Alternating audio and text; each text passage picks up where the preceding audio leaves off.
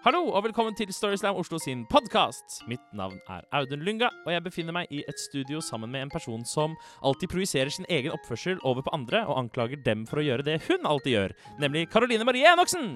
Ja. Yes! Hei. Godt nyttår! Godt nyttår! Det er et nytt år og en ny podkast. Eller samme podkast, men et nytt år. Samme podkast, eh, men nytt innhold. Ja! ja. og vi tenkte at siden det er et nytt år, så, og det kanskje er noen førstegangslyttere der ute, at vi eh, kanskje skulle bare kjapt beskrive hva Storyslam egentlig er. Ja.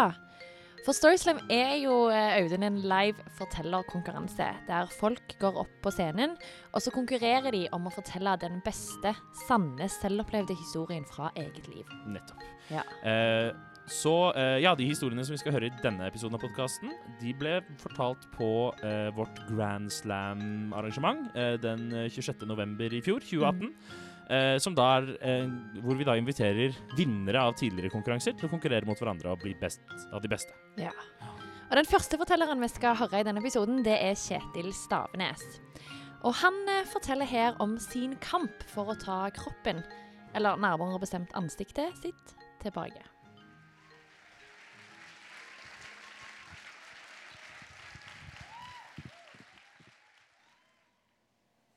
Da jeg var liten, så var jeg spinkel, og jeg hadde denne ludende holdninga. Men det var ikke noe som plagde meg. Jeg hadde, jeg hadde fine blå øyne og en liten kløft i hagen. Jeg var rett og slett fornøyd med meg sjøl. Men, men så kom puberteten. Og det er jo ikke noe hemmelighet at vi gutter får litt slark i leddene. Altså, Vi ligner jo mer dårlige snekkere i Ivo Caprino-dokker enn vi ligner mennesker. Men der de andre guttene ble Ivo Caprino-statister, fikk jeg utdelt hovedrolla. Ja, jeg var òg hengslete og utstyrt med altfor store ører. Men jeg begynte òg å anskaffe meg et underbitt. Og underbittet ble ikke akkurat mindre. I løpet av 8. klasse begynte jeg å lespe ikke bare på S, men på samtlige bokstaver og ordlyder. F.eks. lesper jeg på KJ-lyden og bokstaven T, som jo er ganske klønete når navnet ditt er Kjetil. Eller Sletil. Eh, og ikke stoppa det der! For kjeven vokste jo skakt mot høyre. Så jeg fikk dette her karakteristiske bananutseendet. Altså, Bokstavelig talt, jeg så ut som en banan. Og mamma hun sa det så verre ut i speilet enn i virkeligheten. Men eh, det var nok mer eh, mammabrillene enn en objektiv observasjon. Men, men hvis jeg gikk med konstant åpen munn, pressa kjeven mot venstre mens jeg skakka litt på hodet, så ble jeg i hvert fall litt mindre synlig. Så på alle bildene fra 8. klasse og oppover ser det derfor ut som jeg står i konstant stiv kuling. Jeg formelig så kjærestematerialet i meg bli blåst vekk av den kulinga. Og jeg kjente ikke igjen mitt eget ansikt, og det var helt grusomt. Uff. Dette høres ille ut, tenker du. Ja, verre ble det, ser du. For underbittet det ble så stort at jeg fikk problemer med å spise. Åpenbaringa av problemets omfang kom i slutten av første videregående. Der jeg spøy, og det kom opp to hele agurkskiver og ei helt kokt skinke. For jeg klarte jo ikke å tygge lenger. Jeg hadde lært meg å bare sånn storke ned. ikke sant? Som en sånn fugl. Og som om det ikke er nok å ha ganglaget og skulderpartiet til Quasimodes fra 'Ringene i Notre-Dame'. Quasimodo. Eh, dysleksi, dyskalkuli, en medfødt lammelse i tunga og et tryne som er så skakt at du bare kan måle vinkler med det. Så ble det nå bestemt at jeg som 16-åring skulle få regulering. Åh, som ei stor sløyfe på toppen av hele gavepakka. Og det er innbydende, hæ? Åh. Og du kan si mye om feromonene, og at det egentlig bare lukter vi tiltrekkes av. Men jeg tviler på at noen fant kroppslukta mi god nok til å se forbi den sløyfa. Men, men, men, men det fantes håp.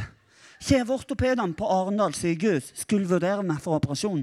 Så mens jeg sugde inn mage og kinn og la ut om spisevanskene, tenkte jeg bare jeg driter i spisevanskene. Jeg driter i om jeg sulter i hjel. Koste og det koste vil. Bare fiks denne hoppbakke-banansituasjonen her. Jeg vil ha kjæreste. Og jeg vil slippe alle de tusen venninnene som bare Å, Kjetil, skulle ønske alle guttene hadde din personlighet. Jeg tror det må ha vært reptilien som bare sånn puff, slo inn og Avkom! Avkom! Mulighet for avkom! Og det gikk! Det gikk! Jeg fikk operasjonen. Men jeg måtte vente til jeg ble 18 år for trynesalder. Operasjonsdagen kom. Kirurgene starter med å skru inn ei skrue mellom øynene mine. Så går de inn via munnhulen. Løsner all huden fra neseryggen og ned til adamseplet. Høvler en bit av nesa, savrer under overkjeven. Skyver overkjeven 7 mm fram og skrur den fast til skallen med titanskinner. Fjerner et stykke av underkjeven og fester den til overkjeven med kjevelås. Og det første jeg gjør når jeg våkner, er sånn Ta bildetøyen til mamma. Jeg tenker ikke på om det gjør vondt, eller at trynet mitt akkurat er blitt flådd av meg. Og når jeg får se bildet, så begynner bare tårene å trille. For å se bort ifra alle ledningene og den der grønne operasjonshysa som satt litt på skakke, så kjenner jeg meg igjen. Fra da jeg var liten. Etter seks år i bananskalle. Og jeg er ikke noe penere, men jeg er i alle fall ikke noe styggere. Bare akkurat sånn som jeg skulle se ut. Til og med den der lille kløfta i hagen er kommet tilbake. Operasjonen den gikk bra, den. Men jeg hadde jo helt glemt at det var nå det virkelig begynte. For i ei uke lå jeg på sykehuset. Og jeg er et utprega B-menneske. Da er det stas å bli vekt hver dag klokka åtte til tidenes tristeste ting buljongkoppen. Altså, straffanger har jo mer givende måltider. Men alle på sykehuset må ha frokost. De med kjevlås òg. Og du er så hoven at du ser ut som et hamster som har sanka nødder i et år. Du har kateter, du bæsjer i en bolle, mens de andre pasientene sitter tyggende på roastbiff-skiva si med et sånt blikk som om de lurer på hvorfor et dyr de egentlig har havna på rommet. Når jeg skulle reise, fjerna de kateteret. Og det i seg sjøl var jo en Kristum-fødsel. Og det er klart at når du har ligget med kateter og bæsja i en bolle i ei uke uten å bytte den operasjonstrusa, så blir jo til slutt den trusa nesten en del av det. Så jeg måtte rive han av meg, altså som et plaster. Heldigvis hadde jeg tissa en del på meg under kristomfødselen, som gjorde at underbuksa slapp litt lettere rundt kantene. Og når du har kjevelås, så kan du ikke åpne munnen i det hele tatt. Så jeg fikk gi meg annet enn suppe, og den måtte være silt åtte ganger Nei, fire ganger, ikke åtte. I et gasshåndkle. Og sånn gikk jeg i åtte uker før de fjerna kjevelåsen. Og på vei hjem etter fjerninga av låsen skulle jeg kjøpe milkshake. For endelig kunne jeg drikke ting med klumper i. Stemninga var mildt sagt euforisk. Jeg fikk shaken, bom, åpna sugerøret, setter i munnen, og bang! Stanger i tennene. For musklene stivna, så jeg får ikke åpna munnen nok til å få sugerøret mellom tennene. Og det er dråpen. For pga. lammelsen i tunga mi så klarer ikke jeg å drikke milkshake som vanlige folk. Jeg, jeg, jeg liksom har ikke nok su i meg. Og jeg brister ut i krampegråt. For etter all angst for et liv alene, så denne operasjonen, kanskje ikke hevelsen går ned, har jeg gått ifra lespende banan med spisevansker til vesende hamster uten mulighet for å spise i det hele tatt. Og så er jeg som er så glad i å snakke. Tenk alt jeg kommer til å brenne inne med. Jeg kan like så godt flytte opp i klokketårnet i Notre-Dame med en gang og sitte der og hvese meg hes og bli oppfatta som et sånt ondt varsel hver gang jeg viser meg blant folk. Så. Og i ett år gikk jeg i den angsten før hevelsen ga seg. Nå kan jeg spise igjen. Da jeg var 22, så ble jeg meg og Selma sammen. Jeg fikk meg kjæreste! Og siden da, ja, siden da, så har jeg lagt på meg 13 kilo. Jeg har gått fra 8-pack til Elskovs håndtak. Og ja, jeg har fortsatt lammelse i tunga, kvasimodo-holdninga og resten av gavepakka. I tillegg sparer jeg nå til Willy Melson-fletter. Og hun er kanskje ikke så fan av flettene, men hun elsker meg og alle de andre skavankene mine. Uansett. Og det var det.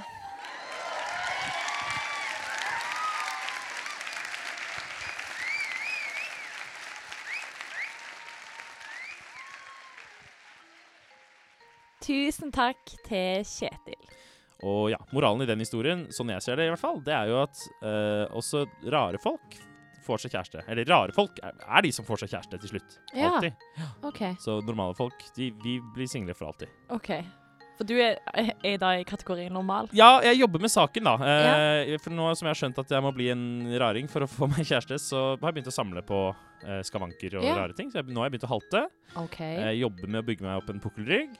Eh, Ja. og jeg går til vortebehandling to ganger i uka. Okay. Ja, sånn, for, sånn for å få vorter, altså. Ja. Så uh, gi Så det litt blir tid. ja, kjæresteåret 2019? Ja. ja, For du har jo allerede erklært at 2019 skal bli mitt år. Ja, det har jeg. Det har ikke skjedd så fryktelig mye ennå. Nei, men altså, det har jo bare gått en uke. Ja. Nei, men jeg er utålmodig. Så, men Ok. ja. Og alle podkastlystere der ute, vi kommer til å holde dere oppdatert om hva som skjer videre i livet mitt i Ja. 2019.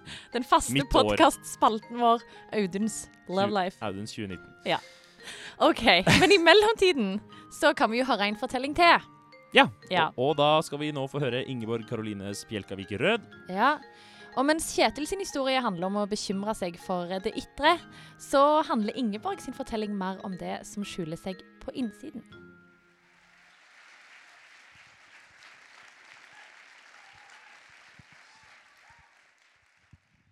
Hvis jeg skal få beskjed om å fortelle litt om meg sjøl, eller skal forklare meg sjøl med tre ord, som man av og til må, så begynner jeg ofte med å si at jeg er et følelsesmenneske.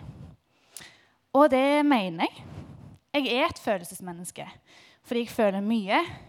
Jeg føler ofte. Og jeg har følt mye og ofte i snart 30 år. Og jeg tør, eller har i hvert fall tålt, å påstå at jeg har følt gjennom hele registeret, vært innom alle ytterpunkter. Og det har jeg meint. Men plutselig er det så noe som skjer. Noe som rister i deg så mye at du ikke Eller at du stiller spørsmål med alt du fram til nå har visst. Plutselig så ligger det noe i framtida di som får deg til å tenke på, på det som en gang var. På de som kom før deg, og hvor de kom fra. Det er midten av 60-tallet, det er Vietnamkrig. Og et skip fra Amerika med lasta med lastebiler og forsyninger nærmer seg kysten til Vietnam. På dekk så står det en mann og vifter med armene. Denne mannen, han, Håret hans det glinser av brylkrem som han har eh, smørt oppå hodet fordi han skal beskytte hodet sitt mot sola. Han eh, ligner på Elvis, og Elvis altså, i sine gode dager. Men det er ikke han. Det er min onkel. Og min onkel står ut forbi Vietnam sin kyst på et skip og vifter med armene. Og han tror han styrer fuglene. Og du skal her. Og du skal her. Og han er kokt i hodet. Brylkremen renner ned over ørene, ned i halsen. Og han skjønner at han ikke er helt med. Så han klatrer opp på, på rekkverket og stuper over bord. Han skjønner at han må hjem. Om han så må svømme. Det er langt å svømme fra kysten ut forbi Vietnam til Vesterålen. Vesterålen i Nord-Norge, for de som ikke vet det. Det er jævlig langt. Altfor langt. Men heldigvis er det et par eh, fiskere som plukker han opp. Men disse fiskerne og senere legene, legene på sykehuset de skjønner jo ikke et bær det han sier. Så de legger han bare i sykeseng og lar han ligge der, og der ligger han og steiker og banner. Men skjebnen skal ha det til at det er en annen nordmann som går forbi idet den steiginga og banninga er, er som verst. Nordmannen stikker hodet inn døra og sier, 'Hva i helvete, er du nordlending?' Ja, ja, ja. Han er jo det. Og de sender han hjem til Vesterålen. Og han slipper å svømme. Når han kommer hjem, så er det ikke så mye snakk om hva som skjedde. De får beskjed om at, eh, at han har vært syk, og at han er på sykehuset, at alt skal bli bra. Det er ikke noe stress. Nei, nei, alt er fint. Og tungsinn og mørksinn Det er ikke så mye snakk om det. Kanskje mellom to og to, bak lukka dører på, et kammers. Men det er ikke noe altså det er ikke noe sjeldent eller det er ikke noe nytt for min familie. Fordi pappaen til min onkel, altså min bestefar, han hadde òg mørke perioder. Perioder der bestemor uten å si et ord gikk og samla inn alt tauet på gården for at han ikke skulle henge seg. Perioder der eh, ungene, altså mor og hennes brødre, ble sendt etter han på, opp på låven, sånn at han ikke skulle få sjans til å hive det tauet over en bjelke. Så det var ikke nytt for min familie, dette her. Men, eh, men det ble ikke snakket om. Og allikevel så kan en jo mistenke at det der gikk og kanskje går i arv. I et befrukta egg så er det 48 kromosomer. Kromosomår. De danner 23 kromosompar, og hvert par består av ett kromosom fra mor og ett kromosom fra par. Nei, fra far. Ikke far. Far. Og så eh, I disse kromosomene så ligger liksom arvestoffet, genene, det som går fra, i arv fra generasjon til generasjon. Et menneske består av ca. 25 000 gener. Det vil si at inni akkurat her så har jeg et ekstra sett med 25 000 gener. Der halvparten er meg, og halvparten er faren. Heretter kalt Fredrik, for det er det han heter. Og det skremmer meg som faen at halvparten av de genene er meg. Og plutselig så er det noe som rister i meg, som gjør at jeg stiller spørsmål med alt jeg vet. Plutselig så er det noe i min framtid som gjør at jeg ser tilbake på hva mine forfedre eller mine, de som kom før meg, kan bidra med, og ikke minst hva jeg kan bidra med. For i min familie så er det tungsinn. Vi har kreft. Jeg har korte bein og lang overkropp. Jeg har temperamentet til et lemen. Jeg har fingre som dauer bare det er fire plussgrader ute. Jeg har migrene. Jeg er generelt en fire pluss-elev. Jeg tar skip og tak. Jeg lager Storyslam-fortellinger dagen før. Satan, jeg lærer aldri. Jeg er litt for glad i hvetebakst. Jeg står på Rockefeller og gror en unge. Og for meg er det helt sykt. Jeg er livredd. Fordi jeg reiser mellom ytterpunkter i alle følelser på minutter, på sekunder. Og jeg er pisseredd for hva jeg, hva jeg skal gi den ungen. Selvfølgelig er det fine ting i min familie òg, men det er veldig lett å tenke på det som er drit. Men så kom jeg på altså det der faktagreiene jeg sa i stad. Halvparten er meg. Ja, det er greit. Men halvparten, den andre, kommer jo fra det fineste mennesket jeg vet om. Så det må jo gå bra. Sant? Så slutten på denne fortellingen her kommer i mai. Eller begynnelsen på neste kommer i mai. God jul, holdt jeg på å si. Takk for meg.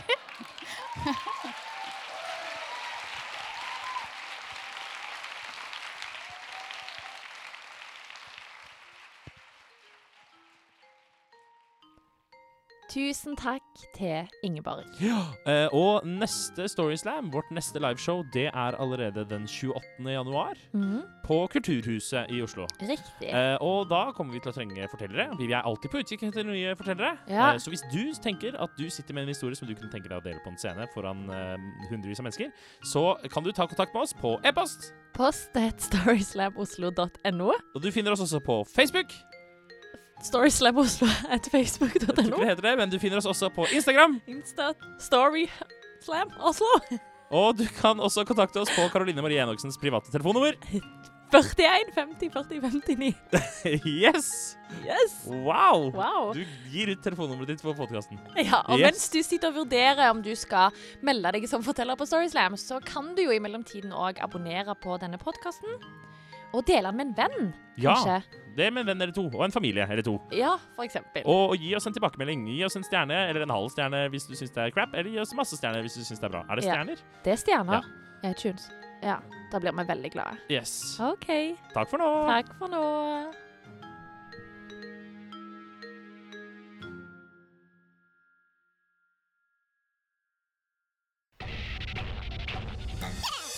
Monster.